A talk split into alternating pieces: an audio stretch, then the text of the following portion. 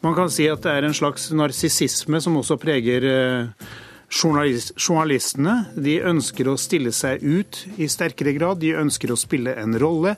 De ønsker å kommentere. De ønsker å være synlige på samme måte som politikerne. Og dette fører jo til at eh, den mer saksorienterte, balanserte eh, journalistikken viker side i noen grad for denne utviklingen på en måte så har jo informasjonsrådgiverne til politikerne gjort de så polerte og så forberedt at, eh, at, journalistene må bruke, eller opplever at de må bruke sterkere virkemidler for å komme igjennom og for å få de svarene de ønsker. Og hvem er det egentlig først og fremst som gir kritikken? Og det er jo eliten. Det er jo journalister, det er folk som du, folk som jeg, som kommer fra universitetene.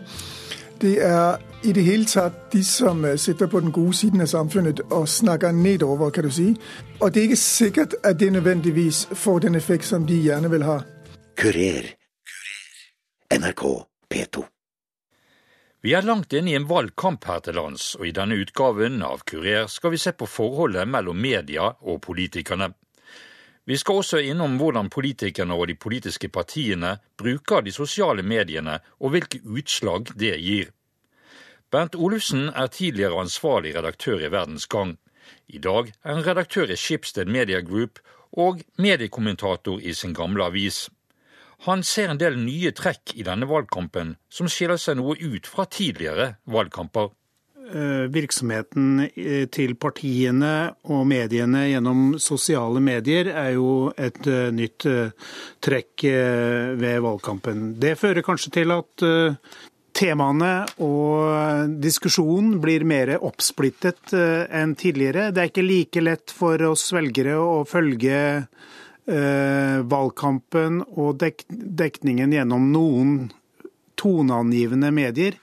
Eh, alt blir eh, på en måte splittet opp og fordelt eh, på sosiale medier, tradisjonelle kanaler og partienes egne, egen markedsføring. Er dette relativt unorsk og, nytt, som du sier? Ja, De sosiale medienes gjennomslagskraft er jo ny, men vi ser nok tegn på at også norsk politikk eh, og virkemidlene i eh, norsk valgkamp blir mer lik det vi ser eh, i andre europeiske land, som igjen har tatt etter noe av den utviklingen vi har sett i USA gjennom flere tiår. Føler du at media, da tenker jeg både på den trykte pressen og, og uh, fjernsyns- og radiokanalene, er flinke nok eh, til å opprettholde en, en, en, kritisk og undersøkende journalistikk i forhold til uh, det som nå skjer med valgkamputspill osv.? Ja, når det er valg, så uh, samles holdt på å si, journalistene igjen rundt grytene og forsøker etter beste evne å dekke valgkampen kritisk og de temaene som eh, preger eh, den. Men det er jo først og fremst fraværet av maktkritisk journalistikk eh, mellom valg som er et, i ferd med å bli et voksende demokratisk problem i Norge. Ehm, men har det vært noen trender på, eller har du sett signaler om, om at den er på vei tilbake igjen, eller er dette noe som, som bare har visnet bort? Nei, dette har jo sammenheng med eh, den eh, ressurskrise som mange norske medier eh, opplever, hvor man har nedbemannet redaksjonene, og hvor man har færre økonomiske muskler for å dekke det som skjer i samfunnet. Du sier at det er et demokratisk problem. Kan du utdype det? Ja, Det eh, kan jo godt illustreres eh, gjennom den debattartikkelen som eh, Arbeiderpartiets byrådslederkandidat Raymond Johansen skrev for en drøy uke siden i Dagens Næringsliv, om at det nå er nærmest blitt risikofritt å være makthaver i Oslo kommune. Oslo kommune er et en kommune som forvalter nesten 60 milliarder kroner hvert år, og som er landets største arbeidsplass. Og at det ikke foregår en systematisk, kritisk medieovervåkning av forvaltningen her, og politikerne som styrer byen, det er et stort problem. som følge av medieutviklingen så har også den journalistiske rollen endret seg. Eh, det er eh, i dag både for journalister og politikere blitt et jag etter oppmerksomhet. Man kan si at det er en slags narsissisme som også preger journalistene. De ønsker å stille seg ut i sterkere grad. De ønsker å spille en rolle. De ønsker å kommentere. De ønsker å være synlige på samme måte som politikerne. Og dette fører jo til at eh, den mer saksorienterte, balanserte Eh, journalistikken viker side i noen grad for denne utviklingen. Vi har jo også i vårt eh, naboland Sverige sett hvordan den lokale journalistikken svekkes gjennom nedlegginger. Det kommer nå i høst meldinger om dette, så å si hver eneste dag. Eh, nå kan vi si at lokale medier eh, står spesielt eh, sterkt i Norge, men også her er det grunn til å frykte en tilsvarende svekking av den kritiske lokale nyhetsdekningen. Og det vil få betydning for utviklingen av lokaldemokratiet i mange norske kommuner. Så langt Bernt Olufsen. Gunn Enli er professor ved Institutt for medier og kommunikasjon ved Universitetet i Oslo. Altså, Media dekker eh, valgkamp på veldig ulike måter. I år er det lokalvalg, og det preger jo dekningen. Vi har nasjonale medier som prøver å skape interesse rundt enkeltsaker, eh, og hvor faktisk mye av fokuset i eh, valgkampen eh, er hvordan politikerne opptrer i media, og hvordan de bruker media til å fremme sin sak. Altså er denne valgkampen en litt eh, metavalgkamp, hvor medienes rolle blir diskutert, og hvor øh, politikerne blir eh, vurdert eh, veldig ut ifra hvordan de presterer i ulike debattformater, eh, ja, og hvordan, hvordan, de i det hele tatt oppfører seg. Eh, så, så, det er liksom en sånn slags samlebetegnelse på, på valgkampen i år.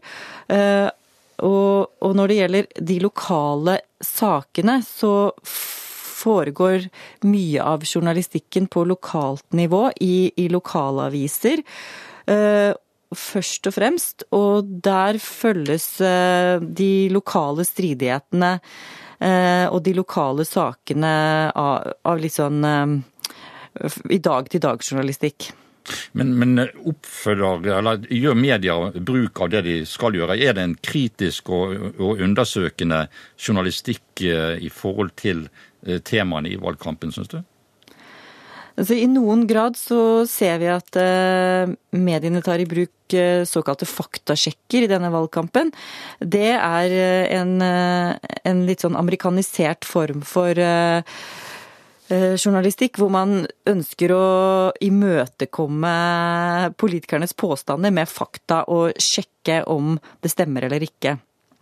Og da Dette kan man jo si at det er en kritisk journalistikk, fordi at den den ønsker å på en måte ta politikerne eh, og avsløre eventuelle uh, usannheter eller uh, feilaktige framstillinger av, av, sannhetene, sånn at vi jeg får liksom sånn Hvor mange jobber har egentlig blitt skapt når en politiker påstår det? Så, så blir man irettesatt. Sånn at på, på enkeltsaker så, så, ser vi at en sånn type faktasjekk er en, en litt sånn sjanger i, i vekst. Um Bruken av sosiale medier, eh, har den utviklet seg eh, noe særlig, syns du? Når det gjelder eh, at politikerne tar, tar dette i bruk? Ja, altså, Politikerne tar i bruk sosiale medier i stadig økende grad i valgkamp, og det er blitt en vanlig og veldig integrert del av valgkampen. Sosiale medier fungerer i samspill med etablerte medier som TV, radio og avis. Det fungerer til å sette på en måte et personlig preg på valgkampen. Det gjør at eh, enkeltpolitikere og partier kan styre utspill og ikke gå omveien om redaksjonelle prosesser. Det vil jo da si at man på en måte kan gå omveien rundt, rundt det kritiske da portvaktrollen til mediene, og, og den også kritiske spørsmålsstillingen fra mediene ved at man har kanaler i sosiale medier hvor man kan fremme sine saker og gi på en måte et eh, bilde av hvem man er som politiker. Uh, uten at det, blir aktivt imøtegått. Uh, det, det er i tilfelle opp til andre brukere, altså på Facebook eller Twitter, som kan diskutere dette eller si at de er uenig. Men politikerne kan bruke sosiale medier til å på en måte profilere seg tydelig som personer, da, og som eh, som en eh, identitet eh, tydelig og klar altså bygge en identitet som politiker, og dermed komme kanskje litt nærmere velgerne. Det er i hvert fall en, en, hensikt at velgerne skal føle at de kjenner politikerne mer, og at de skal få et litt mer intimt forhold til politikerne. Da er det jo særlig de mest kjente politikerne som, som gjør dette, men det kan også være lokalpolitikere som bruker sosiale medier aktivt. I Norge så har vi jo tradisjonelt et et partidrevet system, men i sosiale medier så er det jo veldig personfokusert. Det er personlige medier, og da er det en tendens til at politikken også blir mer personifisert. Altså at fokuset på enkeltpersoner eh, blir større enn eh, enn i den tradisjonelle partipolitiske eh, prosessen som vi har hatt i Norge, da. Kurer. En av de tingene som er mest frustrerende som politiker, er at media veldig ofte er opptatt av å finne de negative vinklingene på sakene. Derfor har vi laga en egen film som skal fokusere på hva regjeringen mener er viktig for å sikre din trygghet. Og vi skal snakke om det på vår måte, ikke med de vinklingene som NRK, Aftenposten, VG, Dagbladet ønsker å kjøre. Derfor er dette viktig for regjeringen å få frem hvordan vi mener at din trygghet skal ivaretas.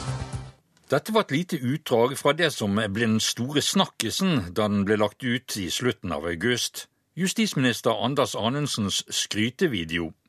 Jens Emelund Kjeldsen er professor i retorikk ved Universitetet i Bergen. Han mener videoen har fått vel mye oppmerksomhet. Ja, den har nå iallfall vært dekket fantastisk mye. Man kunne jo si at det ville være andre ting som var mer interessante. Men det forteller jo noe om det som fremdeles er viktig for mange journalister i valgkamp, øh, nemlig spesielle saker. Egentlig kan man si at det har jo ikke så mye med kommunevalgkampen å gjøre. Men det er jo en interessant sak, og det er særlig interessant for journalister. Fordi det første som skjer i den videoen, det er at Anders Arnundsen angriper journalistene. Men har dette effekt, tror du, at uh, pressen og media for øvrig har, uh, har behandlet denne saken uh, såpass fordømmende som de har gjort? Det er jo en av de sakene som har fått mest kritikk. Altså Anundsen og videoen har fått kritikk av alle. Men der kan man jo begynne å tenke over hvem er det egentlig først og fremst som gir kritikken. Og det er jo eliten. Det er jo journalister, det er folk som du, folk som jeg, som kommer fra universitetene.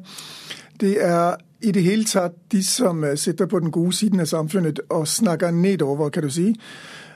Og det er ikke sikkert at det nødvendigvis får den effekt som de gjerne vil ha. Jeg tror det er to ting som er viktig å tenke på med den Anders Anundsen-videoen. Og Det ene er at det, som, det første den gjør, det er at den sier at uh, folk er alltid etter Fremskrittspartiet. Nå er det ikke det den sier direkte, for den sier at mediene ofte er kritiske. Men det er jo en fast fortelling i mediene at alle er etter Fremskrittspartiet. Det andre som videoen sier, det er at vi har fått gjort masse. Og når du får all den kritikken, latterliggjøringen, så følger disse to med. Du kan si at videoen skaper en ramme så hver gang du snakker om den, så følger denne rammen med. Og rammen er altså nå kritiserer de igjen Fremskrittspartiet, hvilket var presis hva Anundsen sa. Pluss man kan ikke komme utenom å vekke tanken om at Fremskrittspartiet, øh, ministeren, regjeringen har gjort mye. Så selv når du kritiserer, så følger disse med. Og man kan si hvis ikke Anundsen visste det på forhånd, at det ville skje, så var han øh, inkompetent. Så enten har han ikke Enten har han gjort det bevisst, og det vet jeg ikke om han har, eller også så er det kommunikativt inkompetent, kan du si. Men like fullt så tror du at Fremskrittspartiet og regjeringen for øvrig tjener på, på dette? Det er veldig vanskelig å si tjener på det, for det kommer an på hvem man er. Men du kan si hvis, hvis bare 20% av Norges befolkning øh, følger med på de tanker som blir sagt i videoen, og tenker på det når alle andre medier snakker om det og kritiserer det. F.eks. så er det blitt lagt masse sånne latterliggjørende videoer hvor, øh, noen, øh, hvor vi viser korte klipp av Anundsen som sier er ikke det bra at vi har ført flere penger? Og så er det en embetsmann som sier jo, det er superbra. Er ikke det bra at jeg har fått mer utstyr, sier han til en politibetjent. Jo, det er fantastisk. Og i den sammenhengen fremgår det jo latterliggjørende og temmelig morsomt. Men samtidig, som jeg sa, så følger rammen med. Selv om man forsøker å latterliggjøre, så fremhever man altså at, at regjeringen har gjort mye. Og hvis bare skal vi si 20-15% av Norges befolkning tenker på det og får det med seg, så er det ikke bare negativt. Sa professor Jens Emelund Kjeldsen ved Universitetet i Bergen. Mediekommentator Bernt Olufsen mener justisministerens video var et bevisst utspill. Ja, politikerne har et voksende eh, oppmerksomhetsbehov. Eh, og det er jo slik at Journalistikken i sin natur er kritisk og ikke eh, så opptatt av å presentere kanskje skryteresultatene av eh, politisk eh, arbeid. Eh, sånn at det er vanskeligere å få gjennomslag for resultatene som skapes gjennom media. Dette skaper i sin tur et behov for, hos politikerne til å ta i bruk andre medieflater for å få sin historie ut. Nå er vel da kanskje den videoen til Anundsen et relativt ekstremt nytt eksempel på dette, men vi ser jo i stigende grad hvordan politikere også bruker sosiale medier som Twitter, Facebook, Snapchat for å fortelle om sitt arbeid så å si fra dag til dag. Og justisminister Anundsen kunne f.eks. lære litt av sin statsrådkollega Kjetil Solvik-Olsen, som eh, nesten fra time til time rapporterer gjennom sosiale medier hva han bedriver dagene med. Eh, men hvem tror du vant på denne videosnutten til eh, justisministeren? Tror du det var Fremskrittspartiet som eh, vant frem her, eller etter all kritikken at han tapte på det? Jeg tror ikke han tapte noe spesielt på dette. Han fikk en betydelig oppmerksomhet rundt denne videoen, og kritikken mot den førte jo til at den ble sett av langt flere enn om den bare hadde blitt sluppet av det alminnelige propagandaapparatet i eh, departementet. Ehm, etter eh, den ble lagt ut, tror du at eh, når, når justisministeren og Fremskrittspartiet evaluerer resultatet av dette, at vi vil få flere utspill, kanskje ikke bare fra Fremskrittspartiet, av denne karakter? Ja, jeg tror altså video er, eh, og, og tilgjengeliggjøring av video i, gjennom sosiale medier i hvert fall, er en relativt billig måte å kommunisere på. Noen vil også si at den er effektiv, og man slipper til uten ubehagelige kritiske spørsmål fra journalistenes side. Så at dette vil bli mer vanlig i fremtiden, det tror jeg vi vil se. Professor Gunn Enli ved Universitetet i Oslo mener justisminister Anders Anundsens video i stor grad var myntet på FrPs kjernevelgere. Ja, jeg syns, uh, syns, det er viktig å, å skille mellom uh, målgruppene. fordi at når det gjelder FrPs kjernevelgere, så vil de synes at dette er tipp topp. Fordi denne videoen er med på å bygge Eh, bygge opp et eh, resonnement som Fremskrittspartiet har eh, gjentatt i, i mange år, nemlig at mediene gir en feilaktig fremstilling av virkeligheten, og at de Frp og deres politikere ofte kommer i dårlig lys. Vi kjenner jo argumentasjonen som å kalle NRK for ARK og lignende kritikk. Dermed så vil dette dette, dette stuntet gi et, et, et, gjenklang hos en, en kjernevelger i Fremskrittspartiet, hvor man, man kanskje får da enda større applaus for, for å ha tatt til motmæle gjennom denne videoen. Mens kritikerne til Fremskrittspartiet vil finne ut at uh, dette har veldig mange problematiske sider, uh, som vi har sett i debatten.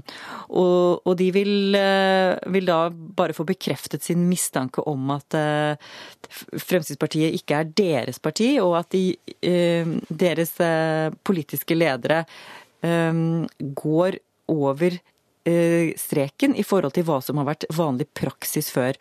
Sånn at jeg, jeg tror at vi vi vil se Summen av dette er nok eh, egentlig ganske stabil. Eh, de vil ikke vinne noen nye stemmer, men de vil heller ikke tape på, på hjemmebane.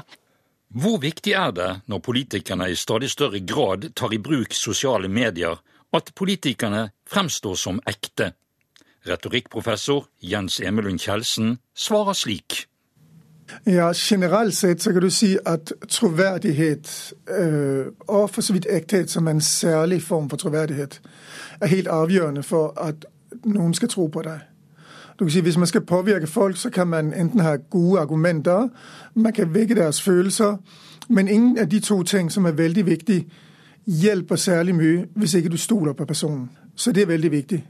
Men det som vi snakker om med ekthet, det er noe litt annet. For det handler om at man tenker på politikerne som virkelige personer. Og Det er en ting som har endret seg over mange år. Hvis vi tenker helt tilbake til de første gangene vi fikk øh, fjernsynsdebatter, f.eks. Helt fram til Gro- og Kåre-debattene. Da tenkte vi kanskje ikke så mye på noen av disse politikerne som ekte, eller som seg selv. Fordi vi visste egentlig ikke så mye om det. Og mye av det som ble snakket om i debattene, det var politikk. I dag er politikk blitt så komplisert, så både troverdighet i alminnelighet og det å være seg selv og være ekte blir mer viktig. Fordi når det er komplisert, så er det vanskelig for oss som vanlige borgere å vurdere. Og da må vi tenke stoler jeg på politikeren? Stoler jeg på han og hun? Er han eller hun sånn som meg? Og hvis de er sånn som meg, hvis de er seg selv, så kan jeg stole på dem. Men det jeg snakket om før, nemlig med at samfunnet blir komplisert, hvor mange av oss kan regne ut om øh, hvordan klimaendringene er, fungerer, hvor mange av oss forstår hele skattesystemet. Altså All den kompleksitet i samfunnet. Det er noe som gjør at man ofte i debatter, også de fjernsynsdebatter vi har sett nå, det snakker man om der. Men personen, sin egen person, den formidler man i sosiale medier, i annonser. Altså i all den kommunikasjon som partiene selv sender ut. Så der forsøker man altså å gi den andre siden av saken, nemlig øh, politikernes egen karakter. Men når jeg lager en Snapchat, når jeg lager en video, når jeg lager annonser, så får jeg anledningen til å bestemme selv. Og da kan jeg gi historien om meg selv som politiker. Og Det er jo noe vi har sett i USA i mange år hvor øh, særlig ved nye kandidater der er det veldig viktig å gi personens historie. Øh, så vi nærmer oss mer og mer øh, amerikanske tilstander, for å si det sånn? Ja, jeg tror man skal være forsiktig med å tenke at alt blir amerikanisert. For selv om vi tar ting fra USA, så blir det annerledes her. Og det ser vi jo bl.a. med debattene. Altså, De debatter vi har i Norge er fundamentalt forskjellige fra det vi ser i USA. I Norge, i Skandinavien i, det, i alminnelighet, da har vi jo mye mer debatt. Vi har en statsminister, uansett hvem statsministeren er, som flere ganger i uken i en valgkamp er i debatt på radio, på TV, eh, på talk og plasser. En av grunnene til at f.eks. Øh, Barack Obama i sin første debatt øh, i den andre valgkampen klarte seg så dårlig mot Mitt Romney, var antakelig at han ikke har debattert med noen i fire år. Så vi tar noe til oss fra USA, men jeg tror veldig ofte at frykten for amerikanisering er meget overdrevet. For vi har vår egen politiske kultur her i landet.